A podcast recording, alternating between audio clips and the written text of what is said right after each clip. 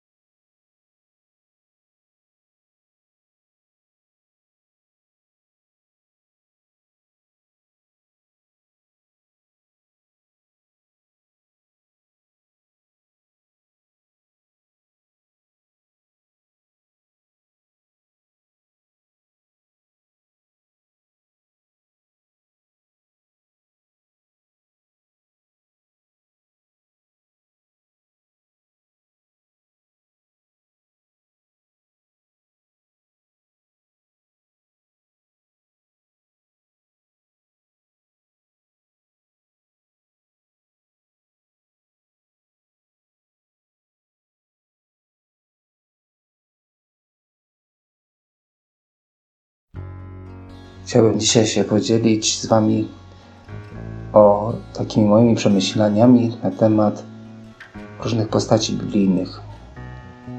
Pierwszą z postaci biblijnych, którą mam na myśli, to jest król Saul. Król Saul to był taki człowiek, który był pierwszym królem Izraela, o ile dobrze pamiętam. Był wybrany na króla już jak wrócili z Egiptu, o ile dobrze kojarzę, i walczył z różnymi najeźdźcami. I był bardzo lubiany przez swoich poddanych. Ale w pewnym momencie okazało się, że Pan Bóg ma w planie, żeby jego miejsce zastąpił Dawid, żeby Dawid został po nim królem.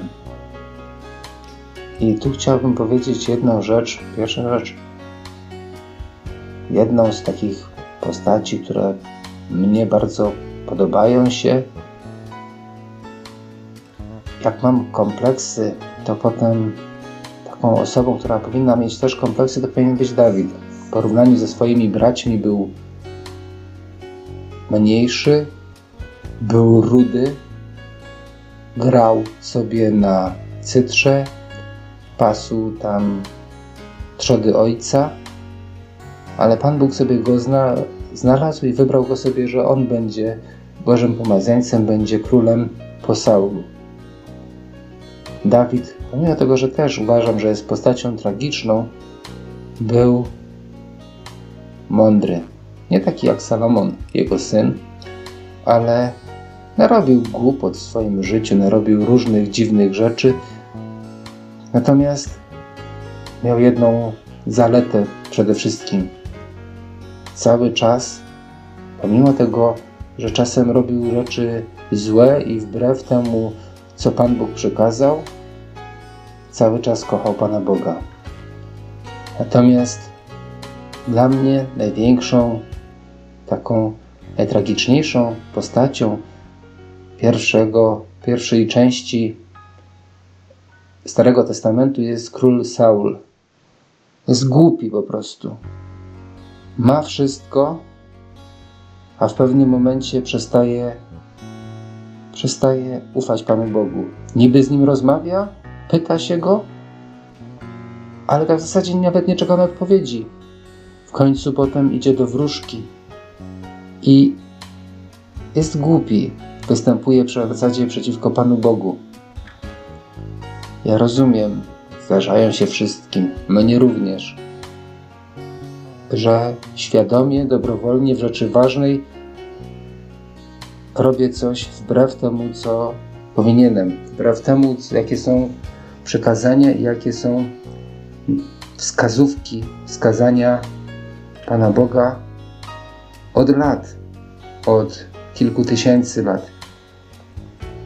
Natomiast zawsze staram się wytłumaczyć moje działania i proszę Pana Boga, nawet jeżeli wiem, że coś zrobiłem źle i świadomie zrobiłem to źle, o wybaczenie, bo Pan Bóg jest miłosierny, mnie kocha. Wiem o tym, że mnie kocha.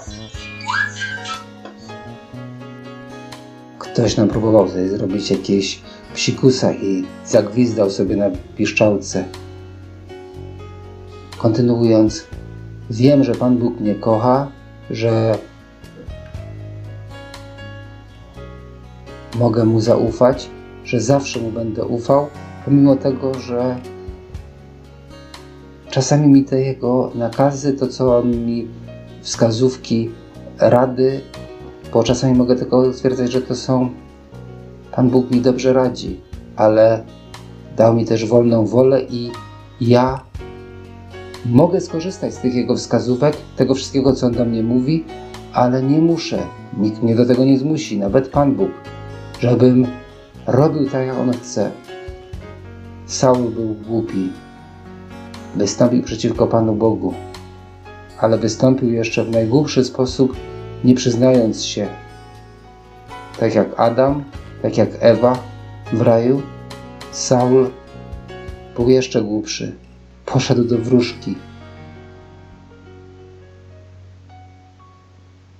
Przy tym, patrząc na Dawida, popatrzcie, Dawid miał możliwość zabicia Saula. Parę razy Pan Bóg dał mu taką możliwość, że możesz go zabić, wtedy już będziesz królem. Ale Dawid, w przeciwieństwie do synów Dawida, wiedział, że nie wolno mu wystąpić przeciwko królowi, przeciwko Bożemu pomazańcowi. Dawid był dużo mądrzejszy od Saula. Dlatego dla mnie jedną z największych obelg, którą można powiedzieć człowiekowi wierzącemu, powiedzieć mu: Ty jesteś jak Saul. Ty się zachowujesz jak Saul. Niby rozmawiasz z Panem Bogiem, niby jesteś Jego sługą, ale tak naprawdę to tak masz ochotę może nie do końca, może pójdę do tej wróżki zapytać, może zobaczymy, może coś, może ten Pan Bóg tak, owszem, ale mam swoje zdanie. Owszem, ja też mam swoje zdanie, tylko ja mówię, Panie Boże, jest mi ciężko, zrobiłem coś złego. Grzeszyłem przeciwko Tobie, zrobiłem coś, czego nie powinienem robić. Ale z drugiej strony nie odwracam się od Ciebie, nie mówię, Panie Boże, Ty mnie w ogóle nie słuchasz, to se pójdę, kogoś innego se znajdę, bo ja jestem mądry, ja tutaj jestem i tutaj możemy dodać królem, dyrektorem, prezesem, szefem, majstrem, kimkolwiek, tak? Mam pod sobą podwładnych ludzi, całe państwo, miasto, kogokolwiek. Nie. To jest bez sensu. Jeżeli chcesz być, to powinieneś służyć. Owszem, nawet będąc królem, prezesem, wydajesz polecenia, wydajesz nakazy. Mają ludzie Ciebie słuchać i robić to, co im nakazujesz. Ale bądź sługą dla tych ludzi i staraj się, a szczególnie jak jesteś wierzący, to konsultować to w jakiś sposób z Panem Bogiem. Czasami jest tak, jak powiedział świętej pamięci premier Mazowiecki, odcinam się od poprzednich rządów grubą linią. Nie bierzcie tego, co ja będę robił, nie patrzcie, nie jestem w stanie zmienić tego wszystkiego i wymazać tego wszystkiego, co oni zrobili wcześniej.